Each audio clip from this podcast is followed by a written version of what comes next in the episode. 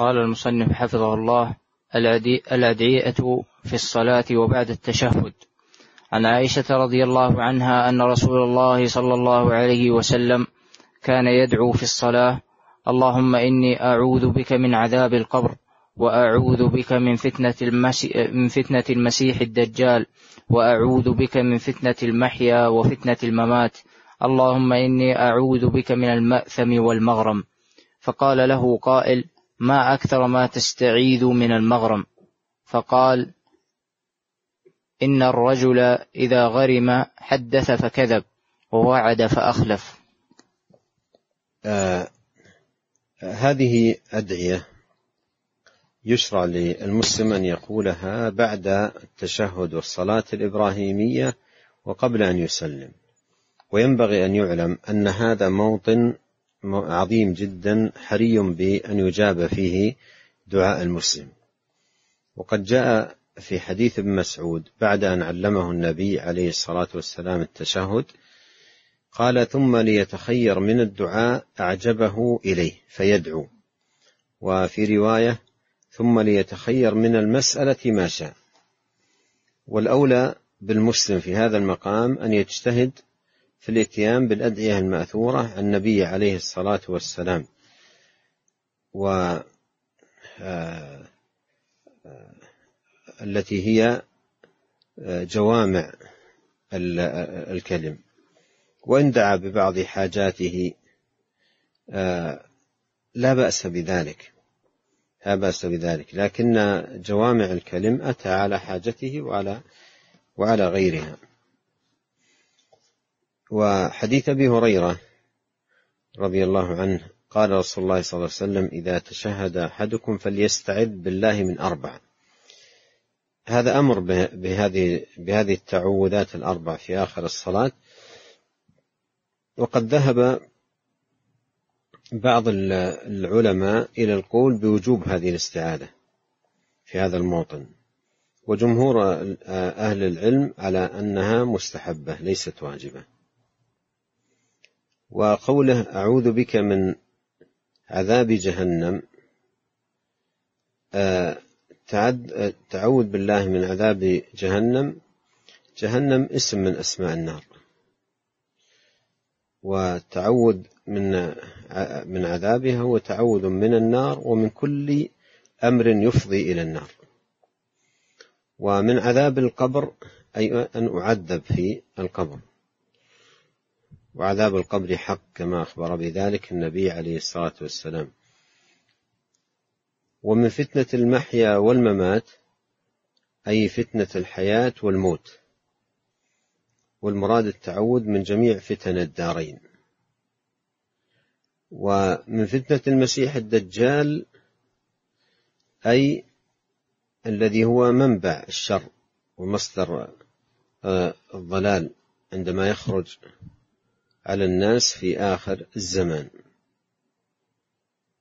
وسمي مسيحا لأن إحدى عينيه ممسوحة. وسمي الدجال من الدجل وهو الكذب. وقوله اللهم إني أعوذ بك من المأثم والمغرم قوله اللهم إني أعوذ بك من المأثم والمغرم هذا في حديث أم المؤمنين عائشة. وحديث أبي هريرة الذي أشرت إليه أولا هذا فيه الأمر ومنه أخذ العلماء وبعض أهل العلم الوجوب لكن جمهور العلماء كما قدمت مستحب. وحديث عائشة رضي الله عنها فيها فيه أنه كان يتعوذ عليه الصلاة والسلام من عذاب القبر وعذاب فتنة المسيح الدجال وفتنة المحيا والممات. يتعوذ من هذه الأربع ويقول اللهم إني أعوذ بك من المأثم والمغرم. فقال له قائل ما أكثر ما تستعيذ من المغرم؟ فقال عليه الصلاة والسلام إن الرجل إذا غرم حدث فكذب ووعد فأخلف. والمراد بالمأثم أي ما يأثم العبد إذا فعله وهو يشمل جميع الذنوب والمعاصي. والمغرم هو ما يلزم الإنسان أداؤه بسبب جناية أو معاملة أو حقوق للناس. فعلى كل المأثم إشارة إلى حق الله والمغرم إشارة إلى حق العباد. قال وعن أبي بكر الصديق رضي الله عنه أنه قال للنبي صلى الله عليه وسلم علمني دعاء أدعو به في صلاتي. قال قل اللهم إني ظلمت نفسي ظلما كثيرا ولا يغفر الذنوب إلا أنت فاغفر لي مغفرة من عندك وارحمني إنك أنت الغفور الرحيم. حديث أبي بكر الصديق رضي الله عنه قال أنه قال للنبي صلى الله عليه وسلم علمني دعاء أدعو به في صلاتي وفي رواية في صلاتي وبيتي. قال قل اللهم إني ظلمت نفسي ظلما كثيرا ولا يغفر الذنوب إلا أنت فاغفر لي مغفرة من عندك وارحمني إنك أنت الغفور الرحيم. هذا الدعاء آه، كما كما ورد في هذا الحديث دعاء يدعى به في الصلاة لكن لا لم يعين الموطن. ومواطن الدعاء في الصلاة التي يتحرى فيها الدعاء إما السجود أو آخر الصلاة قبل السلام. فإن فعل في السجود أو فعل في آخر الصلاة فكل ذلك سائغ. وهو استغفار عظيم جدا. وفيه إعلان العبد ظلمه لنفسه الظلم الكثير. وفيه إقراره بأن الله يغفر الذنوب ومن يغفر الذنوب إلا الله. فتوسل في هذا بوسيلتين الأولى ظلمه لنفسه الظلم الكثير والثاني إيمانه بأن الله يغفر الذنوب ولا يتعاظمه ذنب أن يغفره. فاغفر لي مغفرة من عندك أي تتفضل بها علي وتمن بها علي وارحمني أي رحمة من عندك. إنك أنت الغفور الرحيم. قال وعن أبي هريرة رضي الله عنه قال قال رسول الله صلى الله عليه وسلم إذا تشهد أحدكم فليستعذ بالله من أربع. يقول اللهم إني أعوذ بك من عذاب جهنم ومن عذاب القبر ومن فتنة المحيا والممات ومن شر فتنة المسيح الدجال. نعم حديث أبي هريرة تقدم الكلام عليه. وعن علي بن أبي طالب رضي الله عنه في حديث طويل أن رسول الله صلى الله عليه وسلم كان من آخر ما يقول بين التشهد والتسليم اللهم اغفر لي ما قدمت وما أخرت وما أسررت وما أعلنت وما أسرفت وما أنت أعلم به مني أنت المقدم وأنت المؤخر لا إله إلا أنت. حديث علي رضي الله عنه جاء ضمن حديث طويل في صفة صلاة النبي صلى الله عليه وسلم وفيه أن رسول الله صلى الله عليه وسلم كان من آخر ما يقول بين التشهد والتسليم اللهم اغفر لي ما قدمت وما أخرت وما أسررت وما أعلنت وما أنت أعلم به مني أنت المقدم وأنت المؤخر لا إله إلا أنت. ما قدمت أي من ذنوب وأخطاء.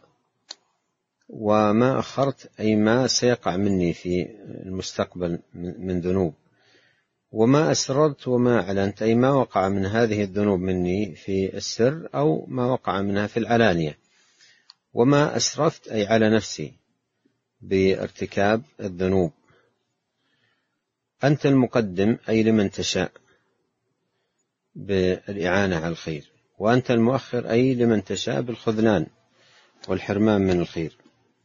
لا إله إلا أنت أي لا معبود بحق سواك. قال وعن أبي صالح عن بعض أصحاب النبي صلى الله عليه, صلى الله عليه وسلم قال قال النبي صلى الله عليه وسلم لرجل كيف تقول في الصلاة؟ قال أتشهد وأقول اللهم إني أسألك الجنة وأعوذ بك من النار أما إني لا أحسن دندنتك ولا دندنة معاذ فقال النبي صلى الله عليه وسلم حولها ندندن. قوله حولها ندندن أي حول الجنة ودخولها وحول الجنة ودخولها ندور في دعائنا. حديث أبي صالح عن بعض أصحاب النبي عليه الصلاة والسلام أن رجلا قال له النبي صلى الله عليه وسلم كيف تقول في صلاتك؟ يعني ماذا تدعو؟ كيف تدعو في صلاتك؟ قال أتشهد وأقول. قولها أتشهد وأقول هذا يوضح لنا أن هذا الموطن متقرر عند الصحابة رضي الله عنهم عامتهم وخاصتهم أنه موطن دعاء. ولهذا هذا الرجل الذي لا يحسن أن يحفظ الأدعية الكثيرة المأثورة عن النبي صلى الله عليه وسلم التي يحفظها غيره من الصحابة لما سأل كيف تقول في صلاتك فهم أن المراد في هذا الموطن العظيم الذي يتحرى فيه الدعاء وهو الذي بعد التشهد. مع أن كثير من الناس يغفل عن قيمة هذا الموطن ومكانته ويستعجل بالسلام مع أنه موطن عظيم في تحري الدعاء سواء في صلاة الفريضة أو صلاة النافلة. قال كيف تقول في الصلاة؟ قال تشهد وأقول اللهم إني أسألك الجنة وأعوذ بك من النار. ثم قدم اعتذارا على اقتصاره على هذين المطلبين. قال ما إني لا أحسن دندنتك ولا دندنة معاذ. هذا يستفاد من أن النبي صلى الله عليه وسلم ومعاذ وغيره من خواص الصحابة بعد ما يقرؤون التشهد لهم دندنة يعني لهم أدعية ورد لهم أدعية يقولونها قبل السلام ما يسلمون مباشرة. لهم دندنة لهم دعاء يعني من يصلي عندهم يعرف أنهم هذا الموطن موطن يتحرون فيه الدعاء. ولهذا هذا الرجل يقول أنا لا أحسن دندنتك ولا دندنة معاذ يعني الأدعية التي تدعون بها قبل السلام ما أحسنها. ولا أحسن إلا مثل هذا. فقال له النبي صلى الله عليه وسلم حولها ندندن يعني حول دخول الجنة والنجاة من النار ندندن والدندنة أن يتكلم الرجل بالكلام فتسمع النغمة ولا يفهم كلامه. يعني تسمع أنه يدعو لكن ما ما تحسن أن تقول هو دعا بكذا أو دعا بكذا لأنك تسمع دندنة. ما تسمع صوت الدعاء نفسه وإنما تسمع دندنة. صوتا تعرف أنه يدعو لكن ما هذا الدعاء لا لا تفهمه. فالحاصل أن هذا هذا الرجل لما قال أما إني لا أحسن دندنتك ولا دندنة معاذ عرفنا أن من هذا أن النبي صلى الله عليه وسلم وخواص الصحابة كان لهم أدعية قبل السلام.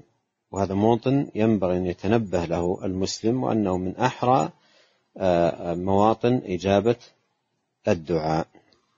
قال وعن عطاء بن السائب عن أبيه رضي الله عنه قال صلى بنا عمار بن ياسر صلاة فأوجز فيها فقال له بعض القوم لقد خففت أو أوجزت الصلاة.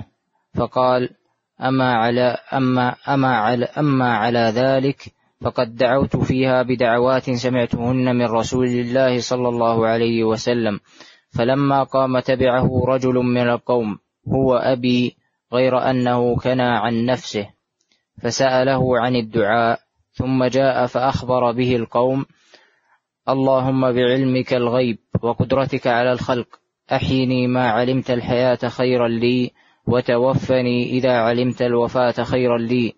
اللهم وأسألك خشيتك في الغيب والشهادة وأسألك كلمة الحق في الرضا والغضب وأسألك القصد في الفقر والغنى وأسألك نعيما لا ينفد وأسألك قرة عين لا تنقطع وأسألك الرضا بعد القضاء وأسألك برد العيش بعد الموت وأسألك لذة النظر إلى وجهك والشوق إلى لقائك في غير ضراء مضرة ولا فتنة مضلة. اللهم زينا بزينة الإيمان واجعلنا هداة مهتدين.